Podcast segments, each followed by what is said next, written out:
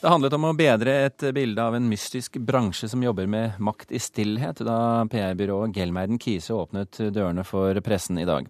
Kommunikasjonsbransjen har vært sterkt kritisert den siste tiden etter at landbruksministeren eh, sine tidligere kundelister hos byrået First House ikke offentliggjøres for allmennheten. Derfor sto åpenhet på plakaten hos Gelmeiden Kise. Velkommen alle sammen. Vanligvis gjør de PR for andre i kommunikasjonsbransjen. For oss er dette en uh, milepæl. Men i dag var situasjonen en annen.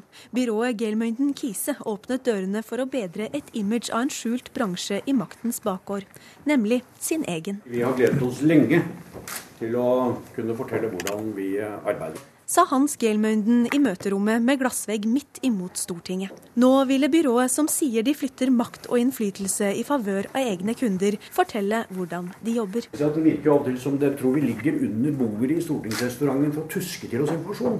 Men det er naturligvis ikke det vi gjør. Vi arbeider for å fremskaffe ny informasjon. Vær så god, Marta. Ja, takk. Og med seg på laget hadde Hans Gelmynden, ordføreren i den lille bygda Vik i Sogn og Fjordane. Vi har i lang tid eh, sted som med en slags offerrolle. Det var så synd i oss fordi vi ikke fikk vei. Nå fikk jeg eh, hjelp til å se oss fra en annen vinkel. Vi er faktisk ikke noe offer. Fortalte Marta Finden Halseth fra Arbeiderpartiet. Det var verdt det.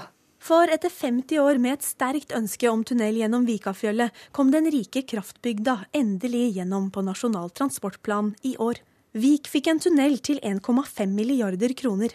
Regningen var en halv million, og den betalte de til Gelmynden Kise.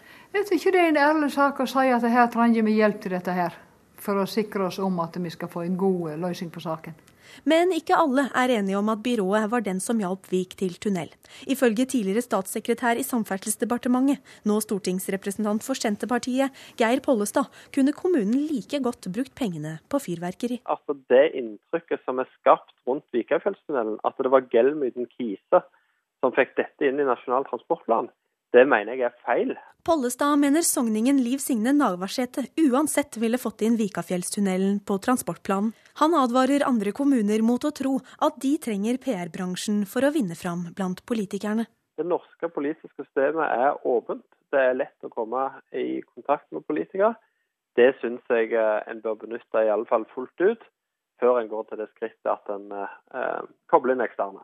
Maktens sterkeste muskel er lukkemuskelen. Når man arbeider inn mot politikk, så er åpenhet vanskeligere. Mener på sin side Gelmynden, som nå ser behovet for større åpenhet og kommer med følgende lovnad.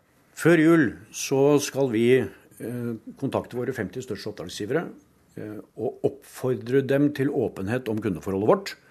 Og så må vi også respektere at noen av dem kanskje føler behov for konfidensialitet. Men jeg har grunn til å tro at veldig mange av de 50 vil stå åpent frem og være stolte over det samarbeidet vi har. Med det handler siviløkonomen et par uker etter at byrået Trigger åpnet alle sine kundelister. Og dermed gjenstår det bare et par spørsmål i åpenhetens navn. Hva er den største kontrakten dere har hatt i år? Ehm, det er en kontrakt til eh, fem-seks millioner kroner. Og det er med? Det får du vite før jul. Det sa Hans Gelmeiden i Gelmeiden Kise til reporter Kristina Høyer. Gunnar Stavrum, eh, ansvarlig redaktør i Nettavisen. Du, du smilte skjevt nå? Ja, altså når Gelmeiden Kise holder åpent hus, så begynte jeg nesten å tenke på eh, motorsykkelbanden Hells Angels, som gjorde det samme i forrige uke for å vise hvor flinke folk de er det gjør lite inntrykk på meg at man åpner huset for å vise fram at det er vanlige folk som sitter i kontorlandskap med PC-er. Det blir ikke noe mer åpenhet av det. Det er jo selvfølgelig et PR-triks. Hva krever du, da? Eh, jeg krever at de som tar imot eh, innspill eh, for å påvirkes, altså Stortinget, regjering og departementene, at de er åpne, og hvem det er som kontakter de. Jeg har ingen tro på at vi noensinne får eh, private selskaper, advokater, PR-rådgivere til å offentliggjøre alle kundene sine. Så når Hans Gelmeiden eh, lover at han i hvert fall skal kontakte sine 50 største kunder? Ja, Det er jo et utrolig hult løfte. Han lover at han skal kontakte dem. Han skal nok sikkert sende dem en mail, men så lenge han holder åpenhet for at mange av de ikke ønsker å, å bli offentliggjort, så er det ikke mye i det. Nils Appeland, eh, kommunikasjonsrådgiver i Bedre kommunikasjon og også assosiert eh, partner i First House. Eh, har du det samme inntrykket som Stavrum her?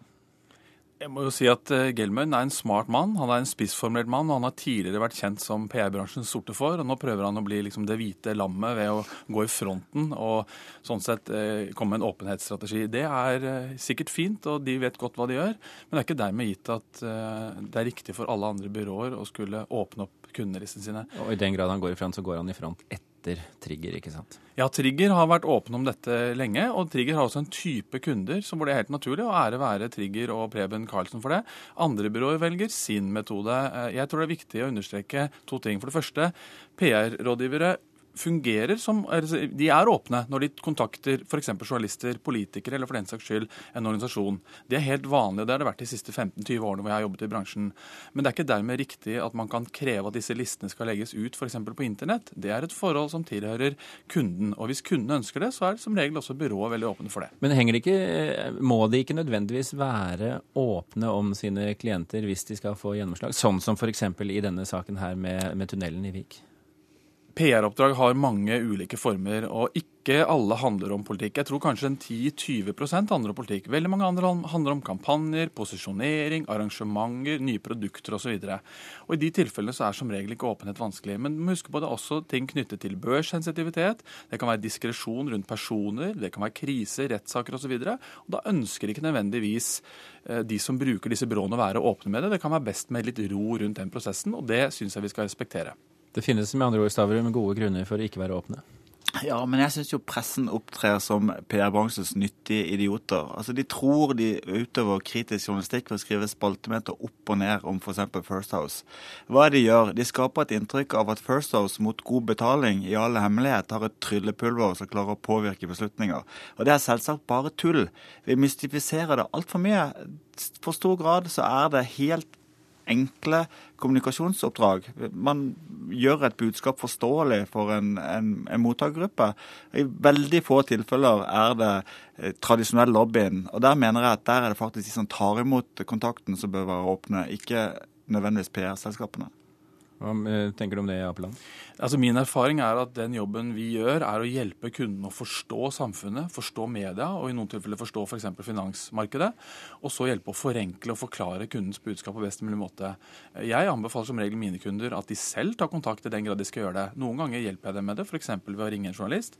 Andre ganger så gjør de det selv. Så forenkling er ofte et viktig budskap. Og Jeg registrerer også at Gelmøyden snakker om vennetjenester, at byrået driver med det.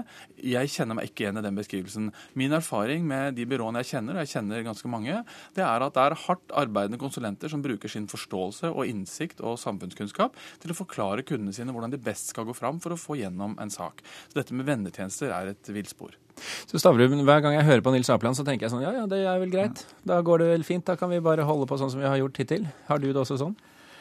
Eh, altså Jeg er ikke så veldig opptatt av, eh, av, eh, det arbeidet de gjør med omdømmeforbedringer, eller det de gjør for kommunikasjon av produkter og selskaper. Det syns jeg er helt legitimt. og Jeg ser ikke noen forskjell på å drive med det som rådgiver eller som jobber i LOs informasjonsavdeling for den skyld. Det, det eneste feltet hvor jeg syns det er interessant, det er der man driver med lobbying på vegne av en, en kunde inn mot besluttende folkevalgte organer. Der vil jeg gjerne ha mest mulig åpenhet. Men det er et paradoks for meg at Stortinget kan enkelt vedta åpenhet der, men da må de på en måte åpne sine egne bøker og ikke forlange at alle andre skal åpne sine bøker. Ja, Men er det da Stortinget som er eh, nær sagt bøygen her, da? Ja, egentlig. Og det kan de vedta i morgen hvis de vil. Det samme kan departementene gjøre. De kan Eh, de kan åpne mye mer av sin kontakt med interessegrupper generelt. Og Det er jo ikke bare PR-bransjen som er interessant. Jeg kan ta min egen bransje. De siste ukene så har en rekke personer fra papiravisene vært på Stortinget for å drive lobby for å beholde pressestøtten. Ingen av de har, så langt jeg har sett, offentliggjort hvem de har snakket med på Stortinget. Men de har da vært ganske synlige på at de har vil ha pressestøtte, om ikke annet? De fikk i hvert fall igjennom eh, det de ønsket. Er det så enkelt, Tapeland, at eh, Stortinget bare kan eh, åpne slusene og være åpne så mye de vil? Ja, altså I den grad Stortinget mener dette er et stort problem, noe i hvert fall enkelte synes å tro, så synes jeg Stavrums forslag om å lage en slags eh, liste, en slags logg, hvor hver av stortingspolitikerne, eventuelt andre i tillitsapparatet eller forvaltningen, må loggføre sine kontakter. Eh, jeg tror det blir tungvint, og jeg tror at det ikke nødvendigvis blir helt eh, vanntett, men det er en mulighet. Og jeg tror det er lettere å stille dem til veggs for å ikke oppfylle det, enn å skulle presse gjennom en åpenhet hos konsulentselskaper. For det er også viktig å huske at dette er jo ikke bare PR-bransjen som driver med påvirkning. Dette skjer blant advokatfirmaer, eh, banker og, og en rekke andre institusjoner i samfunnet som jevnlig er ute etter å mele sin egen kake. Hva bør neste skritt være, Stavrum, for eh, politikerne? Jeg mener at Stortinget bør opprette et lobbyregister og, for, og være mer åpne om kontakten inn mot seg selv. Jeg har ingen tro på at, eh, at, private selskaper kommer til å offentliggjøre sine klientlister. Det er dels eh, faktisk ulovlig. De har jo faktisk inngått formelle avtaler om å ikke gjøre det. Så, så istedenfor å få andre til å bryte loven, så kan de kanskje vedta en lov som eh, gir åpenhet om seg selv. Og så venter vi på hva Hans Gelmeiden sier før jul. Hvor mange av de 50 største klientene hans han faktisk kan offentliggjøre. Gunnar Stavrum i Nettavisen og Nils Apeland, kommunikasjonsrådgiver, tusen hjertelig takk for at dere kom til Kulturnytt.